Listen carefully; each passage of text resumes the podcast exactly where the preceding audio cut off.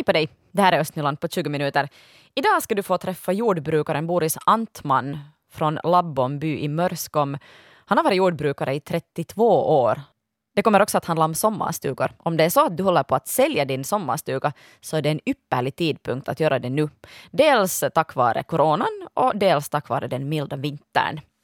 Men alldeles först ska vi prata om Lovisa historiska hus. Det är nämligen så att det inte blir något fysiskt evenemang i år. Det här beslutet fattar arrangörerna i helgen.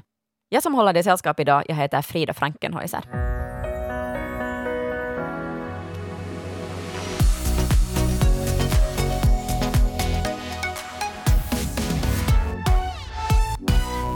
Lovisa historiska hus kommer att ordnas enbart virtuellt i år.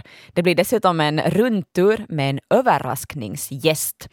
Det är alltså så att föreningen Lovisa historiska hus igår meddelade att man redan nu har tagit beslut att inhibera årets fysiska evenemang, även om Lovisa historiska hus skulle ha ordnats först i augusti. Men enligt Nina Wiklund så valde man att avboka nu för att bespara samarbetspartnerna från förlusterna som det skulle ha blivit om man sen skulle ha varit tvungen att, att um, avboka Lovisa historiska hus sen först mot sensommaren. Här, vi ska höra Nina Wiklund själv så tänkte vi att det enda rätta som vi kan göra, det enda schyssta vi kan göra, är det att vi faktiskt tar ett beslut nu. Det var inte, absolut inte lätt. Vi satt länge och funderade på olika alternativ. Kunde vi eventuellt skjuta upp på det?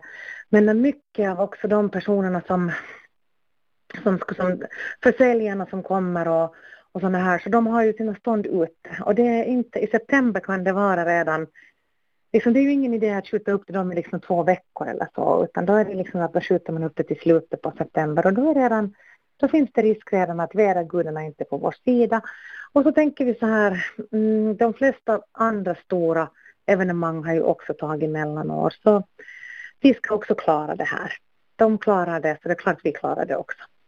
Det ska åtminstone bli streaming i realtid ja. under evenemangshelgen. vad, vad är det här, vad, hur, när?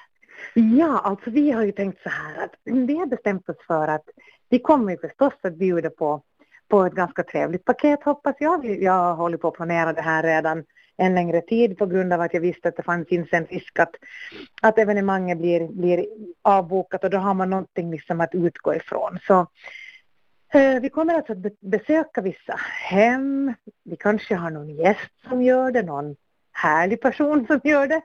Och, eh, och sen då eftersom vi skulle med Lovisan sen om att göra ett samarbete så, så har vi, eh, de har, de har en sån portal som det fungerar så väldigt bra. Nämligen att, att kvaliteten på det som man sänder är ganska bra. Så då tänkte jag så här, ja men då kan vi ju också göra det. Och de gick, de gick igång på, på den här tanken. Så vi tänkte att även om våra härliga gäster inte kan komma hit nu i år så kan man besöka virtuellt vissa hem. Vi kommer förstås inte att ha 40 hem som, som vi besöker för det finns liksom ingen möjlighet att ordna ett sådant evenemang men, men det är ju klart, jag menar eh, hemmen och eh, de härliga personerna som bor där ska ju våra gäster också få, få träffa nu i slutet på augusti. Så det kan bli liksom någon sorts så här lite virtuella rundturer då? Ja.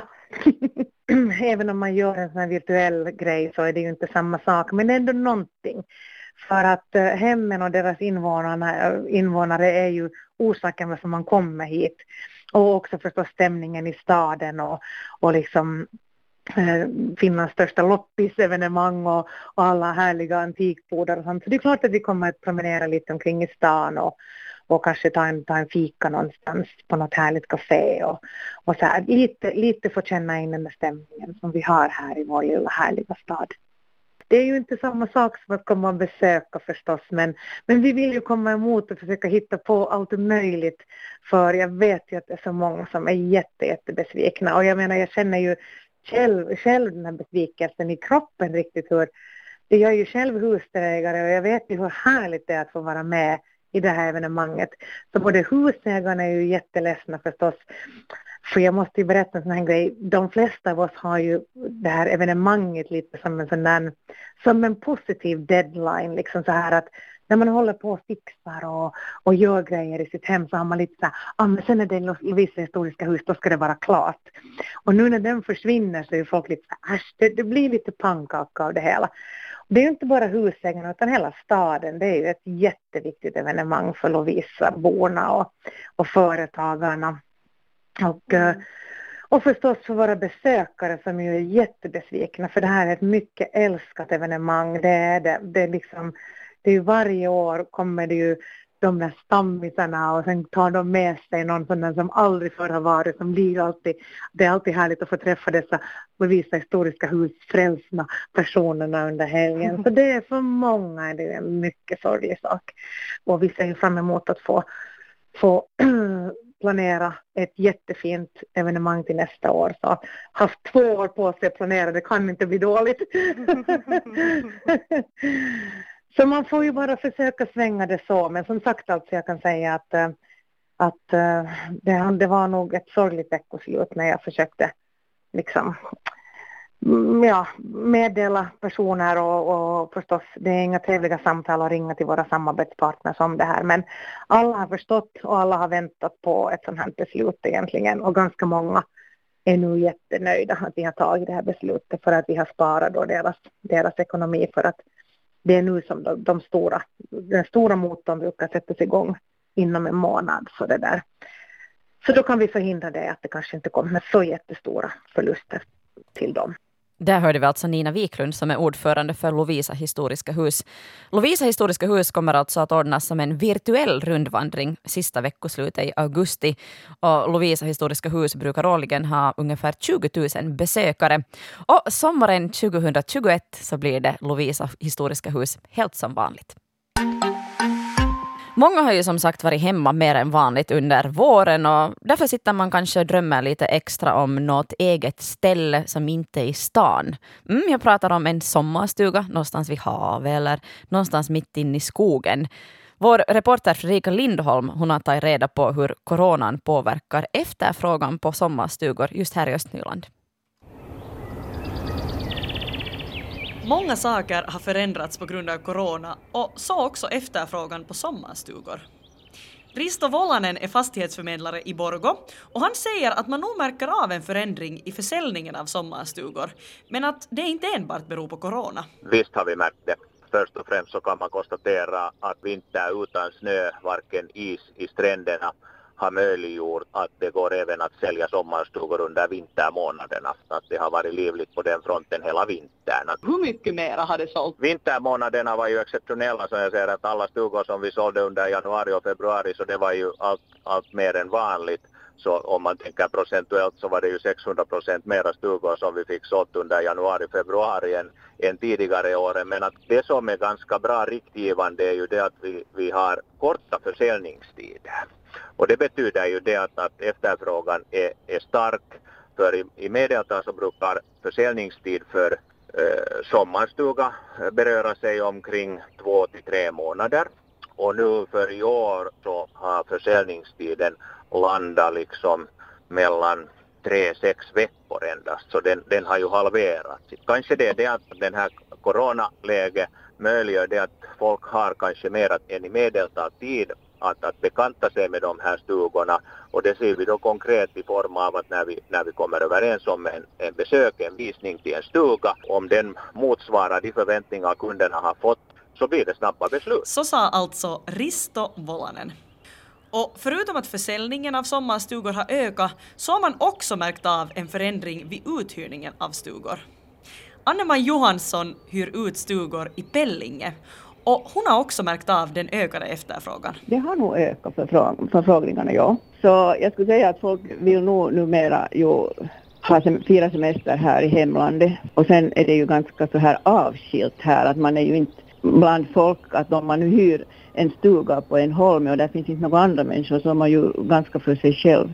Så jag tror att det är en stor orsak att man vill liksom hålla sig bort från, från sådana här större samlingar. Där hörde vi alltså Annemaj Johansson men för de som vanligtvis har mycket utländska kunder så känns situationen inte lika lovande. Martina Majander är en av dem som hyr ut stugor i Sibbo. Och så här svarar hon på frågan om uthyrningen påverkats av det nuvarande läget. Alltså absolut massor. Maj månad har vi ännu helt, helt okej okay, men, men nu skulle jag säga att alla som har kunnat har avbokat sommarens evenemang och sommarens övernattningar. De avbokar hellre och beställer sen på nytt om det blir bättre tider. Reporter i det här inslaget var Fredrika Lindholm. Så om det är så att du sitter på en sommarstuga som du vill bli av med så är det ypperligt tillfälle att sälja just nu. Den genomsnittliga tiden för att sälja en sommarstuga har ju alltså halverats nu under årets första månader. Står här vid åkerkanten och tittar ut över åkern och det är en fin fin morgon ju det här. Helt, helt lugnt, inte en vind, liten, liten bris ens riktigt lugnt och där står några ensamma furor dit på en sån här åkerholme och lite lador här och där och granngården där bredvid. Och åkrarna väntar på traktorerna. Men tills vidare har Boris Antman här vid Brännkärrsvägen i Mörskom, alltså väl lite söder om Mörskom, själva byn. Och det där några kilometer och tittar hit ut, tittar dit mot söderut, tror jag åtminstone. Jo, det blir söder. Ser på solen sådär. Med Antman Boris, tills vidare har du inte ännu kommit igång med traktorerna? Nej, det har varit förberedelser mest nu och se till att allt funkar och att allt snurrar igen efter en lång vintervila. Men det där, det är kylan tills vidare ännu som håller på. Man har haft samma klädsel nu ett halvt års tid för att vädret har varit ungefär likadant ända sedan november. Så. Men jag räknar med att komma igång ungefär efter första maj. Då blir det lite varmare. nu har det varit nattköld och i natt har det också varit ganska nära nollan så det är bara att ge sig till tåls. Är det så att det går inte att gå ut på åkern då när det ännu är nattfrost? Uh, marktemperaturen, framför allt vete det är onödigt att så det i en kall mark för att det händer i princip ingenting inte utan det är först värme som får det liksom att gro och börja växa så att fast man skulle så det lite tidigare så det händer inte så mycket inte så. Utan det finns det bara, är det kallt dessutom så, och vått som det nu ännu har varit här till så, så det är inte bra. Det är lika bra att vänta, det ger samma resultat i alla fall så. Du har ungefär 90, 90 hektar odlar du korn och vete. Hur är det på efterfrågan på dessa sädesslag för tillfället? Uh, jag är kontraktsodlare åt Lantmännen så det är inga problem. Det är alltid liksom garanterat. Men som alla tider, jag kom med i 90-talet som jag flyttade från Sverige hit och det där. Eh, bönder har ju alltid klagat på dålig lönsamhet, dåliga priser och sånt. 30 år senare så är det lika aktuellt ännu. Vi har kanske sämsta priser på spannmål i förhållande till kostnader ännu i dagsläget. Så där har inte hänt på 30 år någonting fast alla väntar på bättre tider. No, nu har ju i och med den här coronakrisen så har ju uppskattningen för bönder har ju stigit. Man har ju märkt att kanske den här självförsörjningen, självförsörjningen ursäkta, är av, verkligen av vikt. Eh, vad tror du? Jo, jag följer mycket med svenska tidningar och lantbruk på, via internet. Så, så där har du ju haft en helt annan situation. De har ju en självförsörjningsgrad på 50 procent ungefär och resten importerar man. Så Finland ligger ju betydligt bättre till. Så, så det är klart uppskattning. Man märker att det finns en yrkeskår som bönder också. Men hoppas att den här uppskattningen håller i sig även i framtiden. Så i våra mm, priser så syns det ju inte. Ja, tillsammans med Boris Antman, jordbrukare här i Mörskom, här lite söder om Mörskom körde hit med en ganska lång väg upp dit från Forsby som vi var tidigare sände. Men nu är vi här alltså och vi pratade här tidigare lite om, om uppskattningen av, av jordbrukare, lantbrukare, bönder nu i och med den här krisen. Den här uppskattningen här stiger när man har märkt den här självförsörjningen. Kan du säga sådär åtminstone ungefär Boris Antman för att bonden skulle vara någorlunda nöjd med, med, med avkastningen av den här verksamheten. Hur mycket borde vi höja priset på, på produkten som du säljer, alltså säd? Eh, på spannmål borde vara en bit över 200 euro per ton Och det ligger ner på 140 ungefär idag, ett sånt här långt medeltal. Så det är långt under. Så många säger att det är ingen idé att så överhuvudtaget att det går liksom plus minus noll eller så går det minus för att det är omkostnaderna är så pass. Och vi har ju ändå nu tack vare coronakrisen förmånliga bränslepriser nu på brännolja och så att det är ju lite som hjälper till i alla fall på kostnadssidan. Så. Nu har du hållit på i 32 år, jordbrukare. Vad är det som får dig att fortsätta? Då? Det är att man har testat så många andra yrken och tidigare och sen är det ju ändå, man är född på gården och den har liksom hållit på nu här i, ja, eh, fjärde generationen här så. Men det är friheten att få vara ute och se liksom resultatet av sina händers arbete och, och den här enorma friheten och sen liksom följa med naturen och allt vad som händer runt dig. Och, så det är liksom A och O i hela det här. Det är ett levnadssätt. Så. Men du gör ju annat jobb också. Jo, jag gör entreprenad sommartid. Gör foder åt min kusin och sånt. Och, och sen har jag lite förtroendeuppdrag och annat sen som förgyller vardagen. Så, så med, allt, med, med allt det där ihopkokat då så har du ju skog och en hel del? Jo, jag har en cirka 150 hektar totalt så det brukar liksom eh, vinter gå till. Är det bra väder och så att det inte regnar eller så, så då brukar jag vara röja. Så det, där, det är mitt favoritarbete för att där får man stå ganska rak och så där så att och så ser man liksom vad man har gjort när dagen är slut. Det har jag intervjuat någon annan bonde om också, lantbrukare om det där att det där röjenarbetet det är något, det är något fint med det. Det var hans favoritarbete också. Vad är det? Du sa att det är liksom skönt att vara ute. Man ser, det skogen är sån eh, element att man ser vad generationer har gjort före en. Man ser vad man har själv gjort när man blir så gammal som jag redan så, så vet man vad man har gjort när man har börjat. Och så ser man nu på tiotals år i alla fall skogen som skötsam så den förändras ganska snabbt sen i alla fall och ser välmående ut. Så det är en glädje för ögat. Så. Mm. No, vi ska gå tillbaka här till det här jordbruket du kort. Uh, du sa att här efter Valborg så då brummar dina traktorer som vi har bredvid så här är röda och gröna, stora och lite mindre traktorer, då brummar de ut på åkrarna. Vad önskar du för väder nu framåt? plus 20 grader och sen eh, varm vind sen att det blåser i alla fall så torkar den här ytan. Så det går ju nu för tiden i ett höj. Det brukar vara på fyra, fem dagar så har jag mitt undan och sen är det bara att putsa maskinerna och serva dem och så ställa in dem igen för en ny säsong. Att de blir ganska dyra per arbetstimme att ha. Så. Jag kan tro det. Tack ska du ha Boris Antman och jag önskar en riktigt trevlig fortsättning på våren. Tack.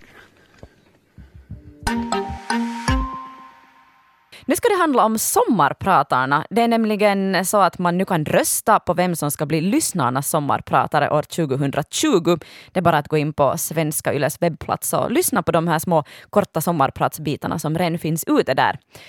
En av de här fem finalisterna är Wilhelm Nielsen. Han har bland annat varit med på Lurens sommarteater och han bodde ännu nyligen i Lovisa. Men först innan vi hör Wilhelm själv så hör vi redaktör Thomas Lundin handlar om en kille som är född och uppvuxen i Lovisa, bor idag i eh, Helsingfors där han studerar till ergoterapeut. Eh, han heter Wilhelm Nielsen. Han brinner för amatörteater. Han har spelat sommarteater på olika teatrar runt om i eh, landet. Han är stammare. Hmm. Han har stammat hela sitt liv och periodvis mått väldigt dåligt av det på grund av den mobbning som han har utsatts för. Han vill sommarprata om sin kärlek till teatern. Det är ju intressant att många stammare stammar inte när de spelar teater eller när de sjunger. Ja, just det. Och förstås om stamningen. Här kommer kandidat nummer fyra, Wilhelm Nielsen.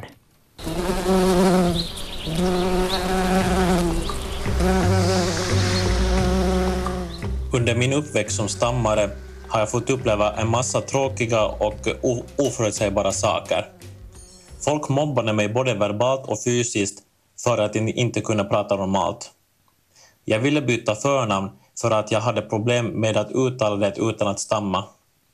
Under min skolgång blev till exempel mitt huvud slängd mot en betongvägg Jag blev sparkad mellan benen så hårt att jag fick avbryta lektionen för att fara på undersökning. Och jag blev till och med hånad av en busschaufför i högtalaren. Jag blev dumpad på grund av, på grund av att jag, för att jag var för tillbakadragen. Min största motgång i livet var när jag var tvungen att avbryta mina brandmansstudier på, på Räddningsinstitutet för att jag ansågs vara en livsfara för mina livskamrater. Teatern var det som räddade mitt liv.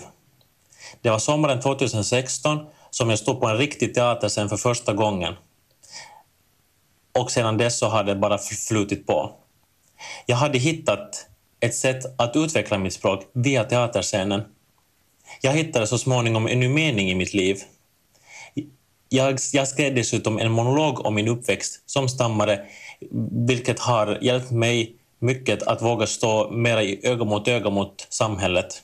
Så säger alltså Lovisabon Wilhelm Nielsen som är en av dem som tävlar om att få bli lyssnarnas sommarpratare i år här på Yle Vega. Man kan alltså rösta fram till den 5 maj på lyssnarnas sommarpratare med sitt Yle-konto och vinnaren offentliggörs i Vega lördag den 9 maj. Och resten av sommarpratarna så de avslöjas den 8 juni.